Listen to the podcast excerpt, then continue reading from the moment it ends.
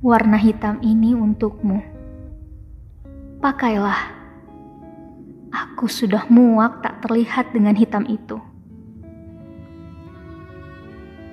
Semua tindak yang menanduk, semua teriak yang mengiang, semua pukul yang memukul. Semua sudah kulakukan, kuhiasi dan kuwarnai. Ke mana putihku? Apa ini terlalu gelap untukku?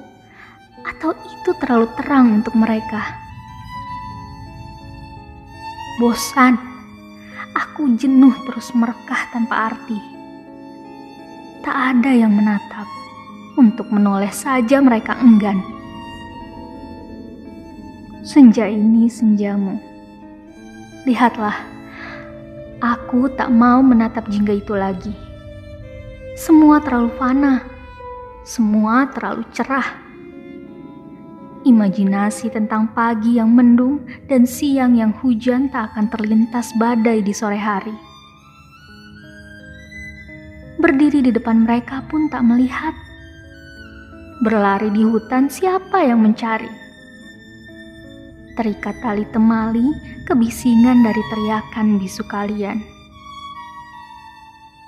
Kelak dikubur, di mana pun aku tak akan pernah tahu teriakmu, bisuku. Dengarlah. Dentang kaca yang jatuh berserakan, dendang tangis yang mulai memekakan. Apa yang kau tak hiraukan? Saat kau berteriak, aku yang diam. Apa teriakmu itu cuma pekikan ketiadaan? Muntahku mendengarnya. Sampai kapan aku tak diindahkan? Membisu bagai buah catur yang digerakkan tanpa suara. Menghabisi lawan tanpa tersisa. Rasanya dingin seperti beku yang kaku. Dari entah, aku akan pergi ke berantah. Agar bayangan kalian tak terinjak lagi nafas kalian kini bisa berkarat. Saat aku berangkat, siapa yang akan mengantar? Lambaian tangan pun tak mungkin didapatkan. Aku sudah terbiasa di sudut ini. Air mata ini tak akan pernah berarti lagi. Air mata ini tak akan pernah berarti lagi terbiasa merengek. Merengek kembali pun akan menjadi kebiasaan. Nyahlah aku dari entah ke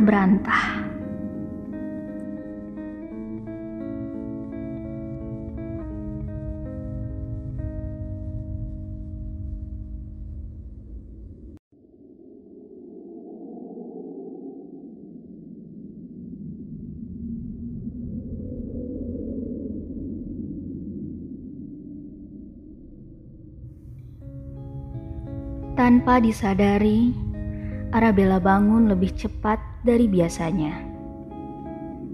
Ibunya sudah mengemas segala perlengkapan yang dibutuhkan saat tak di rumah nanti. Setelah mandi dan berpakaian, ia bertemu ibunya di meja makan.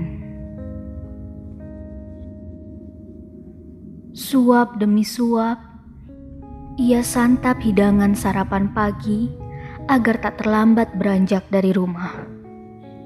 Itu adalah hari pertamanya untuk kembali berperang. Arabella sudah lupa bagaimana rasanya menjadi yang pertama. Ia sudah lupa bagaimana caranya enam tahun yang lalu ia bisa menjadi juara dalam pertarungan hidup dan mati mengalahkan jutaan calon tentara lainnya. Tapi sayang, Ibunya membatalkan kemenangan itu tiga bulan setelahnya dengan alasan bahwa ibu dan ayahnya masih sekolah dan belum mampu merawat sang juara yang istimewa. Kini, enam tahun sudah peristiwa itu berlalu. Ibunya yang masih suka tertawa di depan cermin dengan memakai piyama lusuh menarik tangannya dan menenteng kembali ke kamar nomor 68 untuk menunggu nenek menjemput mereka. Dengan satu tegukan dan satu tarikan nafas, ibunya teriak. Kau malah petaka, Arabella.